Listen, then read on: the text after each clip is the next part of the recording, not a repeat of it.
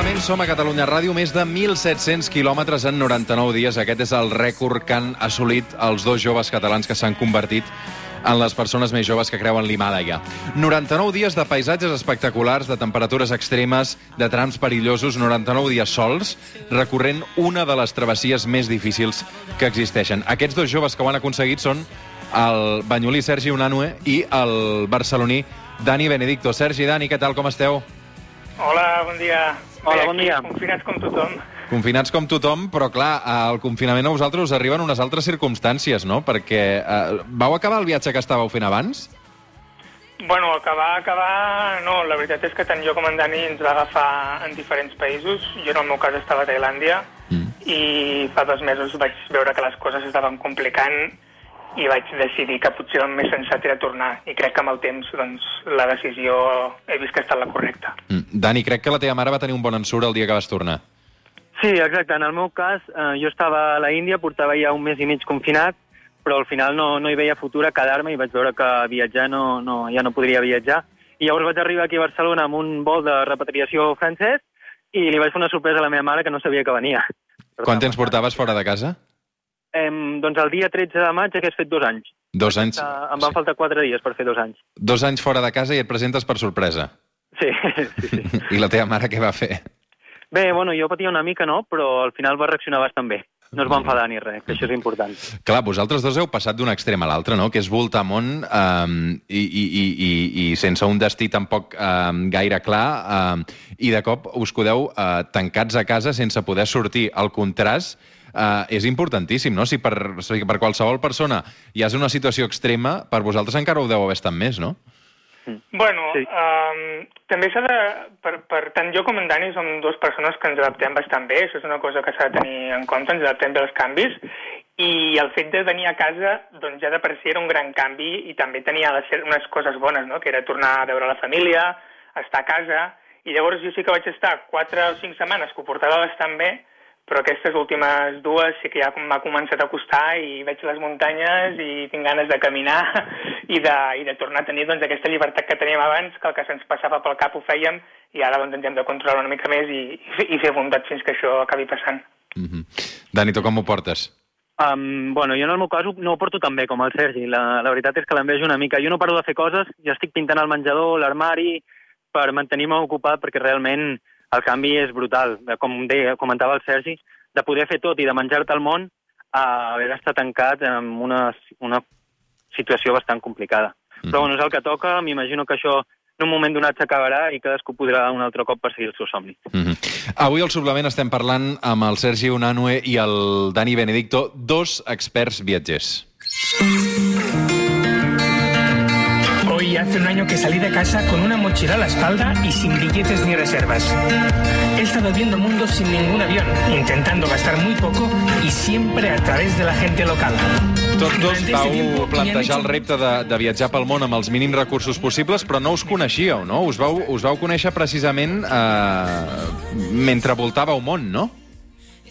Sí, ens vam conèixer a través d'Instagram quan els dos havíem començat ja els nostres respectius viatges i és graciós perquè els dos teníem una història bastant similar en quant a la manera en com havíem decidit enfrontar aquest viatge, com bé comentaves, doncs eh, intentant demostrar que es pot viatjar, viatjar sense recursos i també amb un repte que és curiós que els dos tinguéssim, que era el de viatjar sense, sense agafar avions. I llavors a través d'Instagram ens vam posar en contacte i ja vam quedar doncs, a Mongòlia, perquè els dos anàvem a estar al mateix temps a Mongòlia i ens vam plantejar una gran aventura plegats i, i vam decidir fer-les doncs, a Mongòlia. Uh -huh. uh, què va passar a Mongòlia en aquest moment? Sí, a Mongòlia vam decidir um, comprar tres cavalls um, i amb un, amb un equip de cinc, no, que érem, doncs intentar creuar una regió de Mongòlia per arribar a un festival que hi havia al nord-oest del país um, de caçadors d'àguiles a cavall.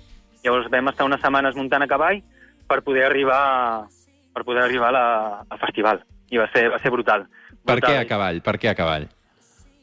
Bueno, Mongòlia és el país dels cavalls, llavors eh, allà on vagis has de fer el que vegis, no? Um, cavall és, um, viatjar a cavall és molt divertit, jo potser no ho tornaria a repetir, però sí que les experiències que vam poder viure, uh, ser autosuficients a l'estepa de Mongola, el vincle que vam crear el Sergi i jo, doncs és irrepetible. Llavors va ser una experiència molt, molt profunda i molt intensa. Uh -huh. Sí, era una manera perfecte de- d'intentar descobrir més sobre la cultura nòmada, no? que és encara molt viva a, a Mongòlia i que tradicionalment ha estat sempre vinculada als cavalls i de fet encara formen part del dia a dia. Tothom té un, un domini absolut dels cavalls i tota la seva cultura gira entorn dels cavalls i per això vam considerar que era una interessant aventura de supervivència, de superació i al mateix temps d'aprendre més d'una cosa tan interessant com és la que passa a Mongòlia dels nòmades i dels caçadors en àguiles que també vam, vam conèixer més tard. Que per cert, en Dani ha dit que érem un equip de 5, però diu que érem un equip de 5 perquè ens compta nosaltres dos i els tres cavalls, que érem nosaltres l'equip de 5, no ningú més. Clar, clar. Quantes hores a cavall, a cavall fèieu al dia? Devíeu acabar amb el cul quadrat, no? Sí, sí, el cul és el que ho portava pitjor, la veritat. No sé quantes, em... quan hi havia llum. Tardàvem una hora i mitja o dos en preparar els cavalls per sortir, plegar les tendes i començar a arrencar i fins, fins a trobar un lloc on poder acampar i estar tranquils. Mhm. Per tant, moltes, moltes hores. Què costa comprar un cavall a, a Mongòlia?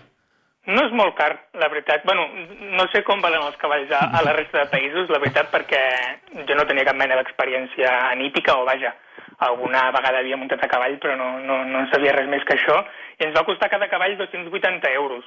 I crec que el preu segurament era un pèl més car del que hauria d'haver estat, però estarà a l'entorn d'aquest preu, els 280.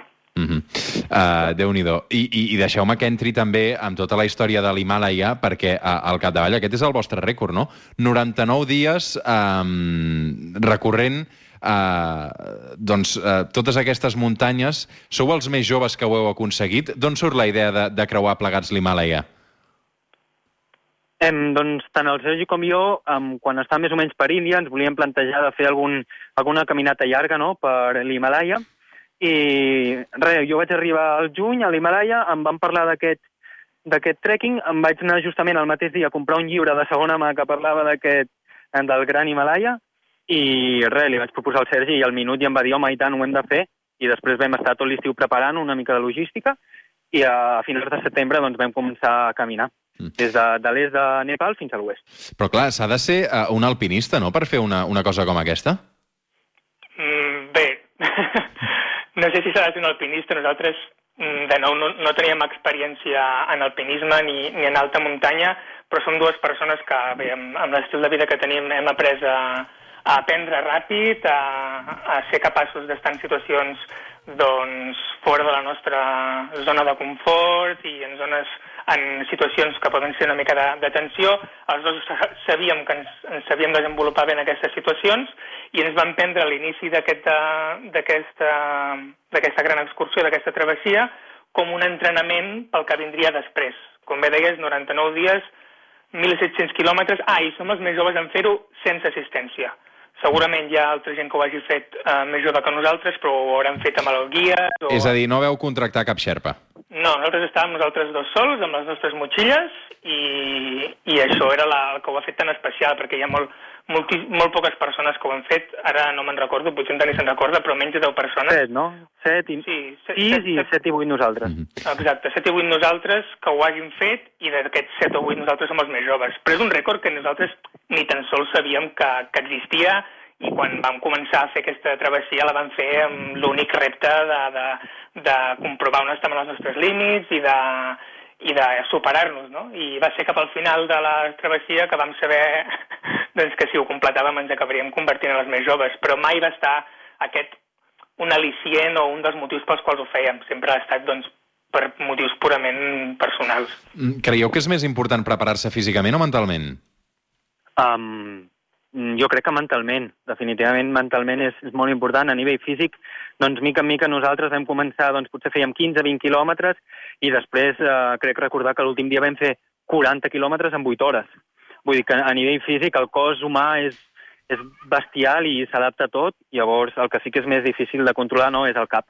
I per sort, com comentava el Sergi abans, nosaltres ja portàvem un any i mig uh, fora de casa, havent-nos d'espavilar per posar la tenda, uh, fer autostop, ja, ja portàvem una vida una mica dura, i llavors el fet de doncs, passar fred o no menjar tant com ens agradaria, doncs no ens suposava un problema tan gran.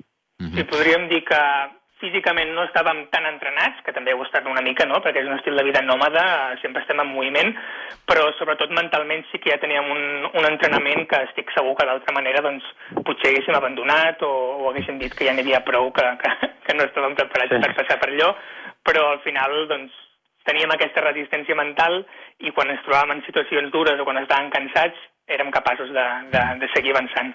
I en una travessa d'aquesta mena, clar, em pregunto per qüestions bàsiques com pot ser el dormir i el menjar. Com us organitzàveu? Um, um, crec que vam acampar unes 20 nits de les 99. Llavors, sempre que podíem, anàvem a, a les típiques guest house, um, en el qual tu pagues per menjar i et deixen dormir gratuïtament. I el tema del menjar sí que, la veritat sigui dita, vam passar gana, vam passar molta gana. I més que gana és que els aliments sempre era arròs i patata o, o una mica de pasta i llavors no adquiríem la suficient energia, no? I això sí que va ser potser un problema de, el fet de gestionar logísticament el menjar, de no tenir barretes energètiques i tal, sí que ens va, ens va dificultar una mica tota la travessa. Mm. Però al final a l'Himalaya hi ha el que hi ha i tu amb el que hi ha t'has d'espavilar. No és que puguis anar a una tenda i comprar-te, no sé, una beguda energètica. Crec que uh, vau tenir fins i tot episodis de deshidratació i de congelació a les mans. Sí, um, Sí, això eren coses que, que pràcticament no, no, no podíem controlar, sobretot el tema de l'aigua. Sí que quan arribàvem a algun port que era molt elevat, doncs no hi havia fons, no hi havia fons d'aigua, no hi havia rius, o estava absolutament congelat o directament estava tot sec.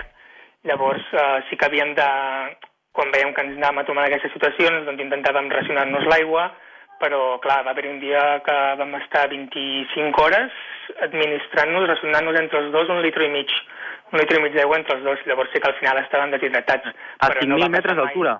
Mm. A 5.000 metres d'altura. A 5.000 mm. metres d'altura, exacte, sí, que quan més amunt estàs, doncs el teu cos més aigua necessita per, pel simple fet de sobreviure. Mm. I després el tema de les congelacions, que sí que va haver-hi un dia que va fer especialment fred, que era molt aviat al matí, que estàvem a 5.000 metres i estàvem com a menys 20 graus. És difícil de dir perquè el meu rellotge que tenia mesurant l'hora tenia un, un màxim al que arribava de temperatura mínima i estava totalment mm, superat per la temperatura a la que estàvem, però calculem que la nit havíem estat a menys 25 i que al matí estàvem a menys 20, i llavors jo sí que vaig patir eh, congelacions dels deus dits de la mà, per sort res greu, i en Dani crec que també en un, en un o dos dits també va tenir congelacions. Mm -hmm. uh, Dani, Sergi, quan reprendreu el vostre viatge? Si és que el reprendreu. Sí, quan es pugui, la veritat. Ara, no sé, jo crec que viatjar com ho fèiem abans, el, el turisme de masses estarà molt limitat durant molt temps, però el que sí que confio i, i poso la meva esperança en aquesta idea és que en un futur no tan llunyà uh, sí que deixin viatjar amb visats més llargs, potser visats d'un any o de dos anys. Mm. Llavors, sí, aquest, la meva idea és doncs, poder, per exemple, anar a Austràlia durant un any i treballar per estalviar una mica de diners i seguir, seguir aquesta aventura. Mm -hmm. Sí, jo crec que té, té pinta que fins que no surti la vacuna Mm, viatjar com ho fèiem fins ara serà bastant difícil o, o hi haurà moltes dificultats, com per exemple haver de fer quarantenes cada cop que has de creuar un país. Llavors, eh, és el que deia en Dani, eh? quan, quan veiem que podem, i no només que podem, sinó que a més a més és moralment correcte, doncs començar a explorar i a moure'ns, ho farem i sempre tinguent en compte doncs, la situació en la que estem, no? que evitant les zones on hi hagi moltes aglomeracions, vaja, ja, ja ho anirem veient, la veritat és que estem com tothom sense saber molt bé què passarà, però bueno, el bo és que eh, aquests dies de, de confinament doncs, podem tirar de, de fotografies i records i, i de vídeos, que de fet estic editant molts vídeos ara a YouTube i crec que ens ajuda a tots una mica per, per poder viatjar encara que estiguem a, a casa i és una manera que, que tenim de seguir connectats al viatge i a les experiències que hem estat visquent. Mm -hmm. Sergi Noanue, uh, Dani Benedicto, gràcies a tots dos per haver-nos acompanyat aquest matí i en parlarem un dia amb més calma. Una abraçada. Una abraçada. Molt bé, moltes gràcies. Adéu.